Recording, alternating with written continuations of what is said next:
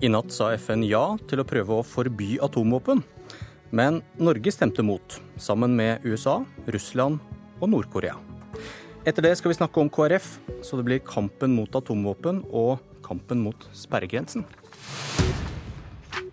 Utfallet av begge er usikkert, og du bør kanskje vinne den andre kampen for å få være med på den første. Men først, velkommen til Politisk kvarter, Marit Berger Røsland fra Høyre, statssekretær i Utenriksdepartementet. Takk for det. Hvorfor stemte Norge mot et forbud mot atomvåpen i natt? Først og fremst vil jeg si at eh, det er bred enighet om en visjon om en verden fri for atomvåpen. Når vi stemte mot denne resolusjonen, så gled på at vi er medlem av en forsvarsallianse, Nato, som har som utgangspunkt at så lenge noen land har atomvåpen, så må Nato ha atomvåpen. Og det er et strategisk konsept vi er med på, og som vi støtter opp om. Og vi ser også at eh, Nato-landene stemte eh, nesten enhetlig imot denne ja, resolusjonen. Nesten. Hva syns du om at Nato-landet Nederland avsto fra å stemme? Nederland må svare for sin stemmegivning. Fra, fra Norges side var det eh, en helt uh, utvetydig utgangspunkt at vi kunne ikke være med på en politikk som ville svekke Nato som forsvarsallianse. Og det å skulle starte et forbudsforhandlinger neste år med det strategiske konseptet som Nato bygger på, eh, det kunne ikke vi gå med på. Men svekker Nederland Nato ved å ikke stemme mot, da? De stemte avholdende, eh, så de stemte heller ikke for. Eh, de valgte å ikke ta stilling til resolusjonen. Men kunne Norge gjort det samme uten å svekke Nato? For man har vel gjort et bevisst valg at man ikke stemmer for, men heller ikke ja, unnlot å stemme? Det er riktig, det er, det er, et bevisst valg. Vi står for de Nato-forpliktelsene vi har påtatt oss. Vi mener Nato er en viktig sikkerhetsgaranti for Norge. I den sikkerhetspolitiske situasjonen vi nå befinner oss i, så er det ikke en tid å svekke oppfatningen av Nato som vår garanti for vår sikkerhet. Og da svarte du vel egentlig nå at Nederland svekker Nato ved å gjøre som de gjorde, da? Nato, altså Nederland får svare for sine stemmer. Okay. De har heller ikke da stemt for resolusjonen. Du var inne på det. Nato vil være en kjernekraftallianse så lenge kjernefysiske våpen eksisterer. Det er, det er Natos strategi. Mm. Eh, og hva skjer da hvis de som ikke liker Nato og har atomvåpen, tenker på samme måte?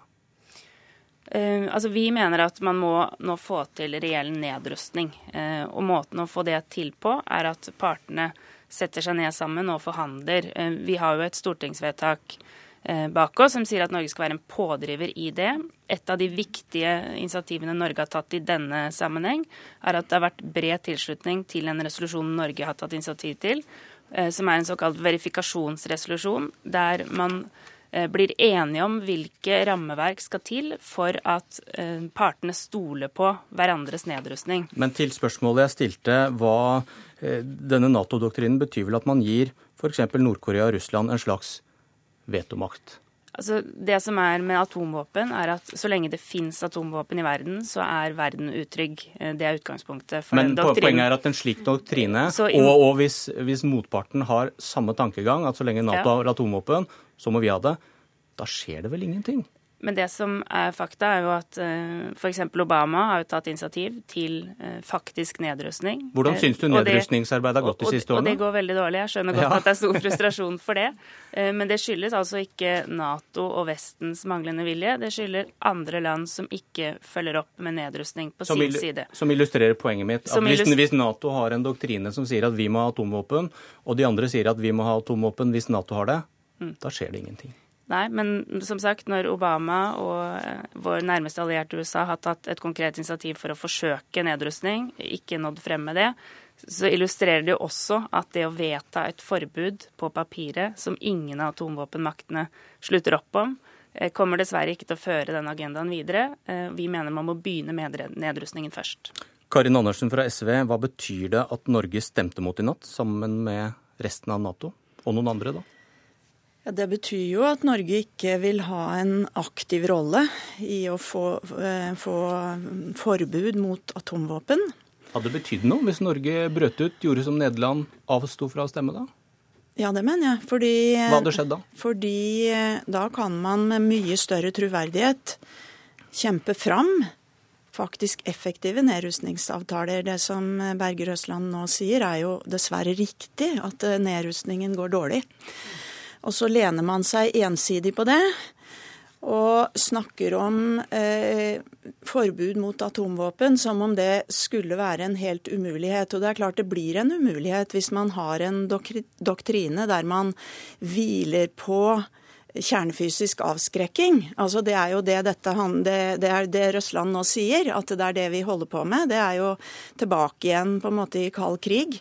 Det er den samme logikken, så man må bryte den logikken. Man må altså bestemme seg for at en atomvåpenfri verden er en tryggere verden. Det trodde jeg vi var enige om. Det har Stortinget sagt. Det har vi sagt regjeringa skal jobbe for. Og ved å stille seg utenfor, og i hvert fall da i det minste ikke være avholdende, så stiller man seg jo på den andre sida. Og det er det som er det alvorlige med det regjeringa nå har eh, Altså den linja regjeringa har valgt å legge seg på. Men jeg tror vel, eh, hvis du spør Norges eh, velgere eller vi hadde en meningsmåling som viste at det var stor oppslutning om det å skulle fjerne atomvåpen. Det tror jeg vi alle er enige om er det, liksom, det langsiktige målet. Hva tror du svaret hadde blitt hvis, man, stil, hvis man, spurte jo, dem Det var det jeg skulle til å ja, si. Altså, altså, hva hadde svaret vært hvis spørsmålet hadde vært mener Eh, mener vi at eh, Nato skal fjerne sine atomvåpen i en tid hvor Nord-Korea er i ferd med å kanskje skaffe seg atomvåpen, og det, det jo, finnes atomvåpen? Det er, det er jo det dette som eh, regjeringa bevisst villeder på. Altså, Regjeringa eh, forsøker nå å gi et inntrykk av at eh, dette handler om ensidig nedrustning. Det gjør det altså ikke. Det handler om å sette et klart mål, forplikte seg på et mål om atomvåpenfri verden, og å lage et rettslig rammeverk for det. Sånn som man har gjort med andre farlige våpen. Vi har altså klart å forby kjemiske våpen, biologiske våpen, landminer, klasebomber. Klasebomber har jo Nato hatt. ikke sant? Dette er våpen jeg... som Nato har hatt, og som vi har hatt et mål om å, om å, bygge ned. Og vi har klart det gjennom å sette et mål. Men da må jeg spørre deg, Andersen. Hvis, eh, hvis Nato-landene hadde sagt ja til å forby eh, atomvåpen, da måtte de vel ha kvittet seg med dem, Fullt forbudet man skrev under på? Man måtte ha jobba aktivt for å få det til. og da hadde man hatt... Et, Hva hadde skjedd da hvis Russland, Kina og Nord-Korea hadde beholdt sine atomvåpen? Men det er ingen som snakker om at man skal ha ensidig nedrustning. Det er ikke det. Hva er da verdien? Er da denne verdien er at man setter seg et mål, og man forplikter seg på det. Og at man jobber etter hvert da for å få atommaktene med. Ingen tror at dette er lett.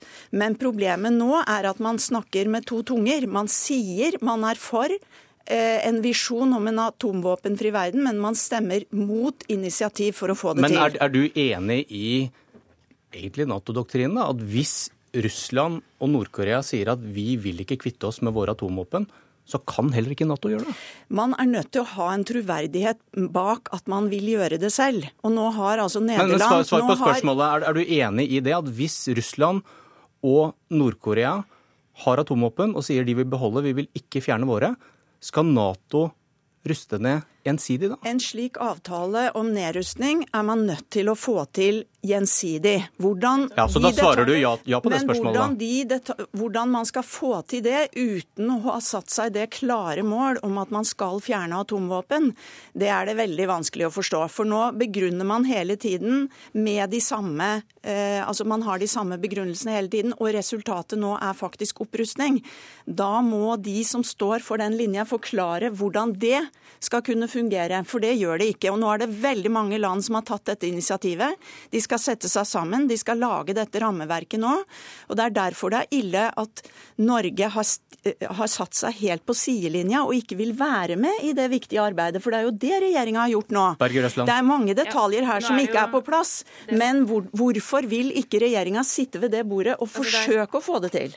Det er altså ingen som kommer til å sitte rundt det bordet eh, av de landene som, som, har atomvåpen. Alle de landene som har atomvåpen, kommer ikke til, til, å være med i de forhandlingene. Og det er det grunnleggende problemet med denne fremgangsmåten. At det kommer ikke til å føre til reell, reell nedrustning. Det kommer ikke til å føre til færre atomvåpen. Og så lenge vi er medlem av Nato, har det strategiske konseptet som gjelder, eh, så må vi stå for det. Nå har jo SV en helt annen sikkerhetspolitisk linje enn resten av oss i sitt program så skriver de at Ingen av dere har atomvåpen på den jo, men, lista. Men at, eh, at, Nato er jo ikke engang for eh, SV er jo ikke engang for Nato og har skrevet i sitt program at Nato er et militært uttrykk for vestlige stormakters makt og dominans i verden.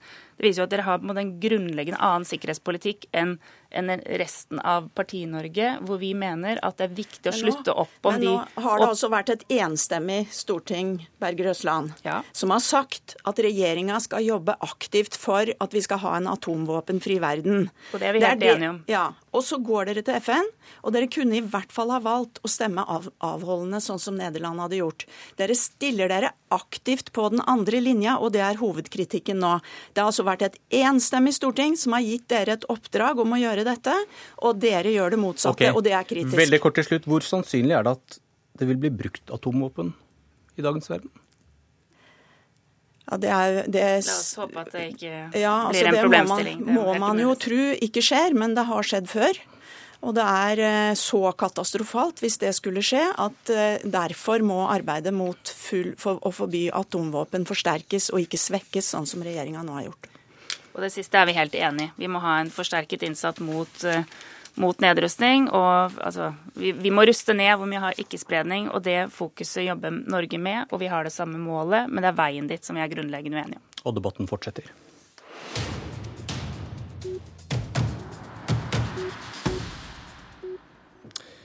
Det er lenge til valget, men ikke til KrF skal ta sitt valg. For om en uke skal landsstyret bestemme hvem KrF skal samarbeide med. Og inn i det møtet går de med bare 4,5 av velgerne i ryggen. Det viser snittet av målingene i oktober, skriver Dagens Næringsliv. Og politisk kommentator i NRK, Lars Nehru Sand, hva betyr KrFs kamp mot sperregrensa for det veivalget de skal ta neste uke? Det gjør jo at de tar et veldig viktig valg eh, med ryggen mot eh, veggen. Det er den dårligste KrF-måneden vi nå går ut av siden mars 2011. Den dårligste under Hareides lederperiode. Eh, det betyr at det er betydelig usikkerhet blant KrFs eh, velgere for hva partiet står for akkurat nå. Eh, og mens man sikkert har håpet da, at flere åpninger skulle gjøre at flere velgere så på KrF som eh, aktuelle, så har flere eh, åpninger eller utganger fra KrFs eh, side ført til større usikkerhet blant velgerne deres. Ja, tror du de hadde valgt en annen vei hvis de gikk inn i dette landsstyremøtet neste uke med 6 eller 7% oppslutning? Jeg tror ikke det hadde blitt en annen konklusjon sånn rødt-blått, for å si det sånn. Men eh, hvis vi holder på premisset om at dette vil gjøre vondt for mange av KrFs velgere uansett, altså uansett om de eh, peker eh, på Erna Solberg, har en åpning for Frp på et eller annet vis, eller om de peker på Jonas Gahr Støre og, og, et samarbeid med Arbeiderpartiet. Eh, hadde Kristelig Folkeparti vært fullmobilisert, så tror jeg nok de hadde vært i større fare for at noen hoppa av, nettopp at mange hadde håpet at eh, man skulle velge deres retning, og så velger man den andre så er det større fare for at noen hadde blitt eh, Ja, altså at KrF hadde gått ned etter å ha tatt et valg. Du, Per Anders Hoel i Vårt Land skrev noe interessant. Han skrev at KrF har mistet velgere etter at partileder Hareide deltok i Pride i vår, og at det samme skjedde da det var bråk om familiepolitikken i 2012. Hva tenker du om en slik forklaring? Jeg tror det kan ligge mye i det i den forstand at eh, når eh, familiepolitikken eller politikk med stor grad av verdisyn eh, settes på spissen, så vil de som har en liberal holdning, eh, kunne bli skuffet over Kristelig Folkeparti hvis man reagerer veldig konservativt. Når man har lest at mange meldte seg ut av partiet eh, som følge av pride-deltakelsen, så vil det føre til at noen blir skuffa fordi man ikke holder, en, holder en konservativ fane høyt. Men det gjør også at mange med et liberalt ståsted vil føle at her blir det veldig mye konservativ eh, reaksjon, og, og, det ønsker ikke jeg å, å, nødvendigvis identifisere seg med, og da, da sette seg på gjerdet. Eh, så noe av den usikkerheten eh, i KrFs velgermasse startet helt klart eh, som følge av eh, pride-deltakelsen. Det var velgerne. Så skriver Vårt Land i dag at motstanden mot å la en Høyre-Frp-regjering fortsette ikke er så stor som den var i det lokale politikerledersjiktet i tunge KrF-fylker som Rogaland og Hordaland. Hvordan leser du dette? Det, det, gjør jo at eh, jeg tror, eh, og det har vi sagt en stund, at eh, Kristelig Folkeparti kommer ikke til å nødvendigvis lukke noen dører. Kanskje i den grad de måtte gjøre det, så er det mot Frp, men det også, virker også åpen. Det viktige for KrF nå er å ta et valg hvor de har et handlingsrom, hvor de kanskje peker på én dør som foretrukket, og der vil det nok stå høyre og venstre. Og mandag kommer partileder Knut Arild Hareide til Politisk kvarter. Hør på oss da. Jeg heter Bjørn Myklebust.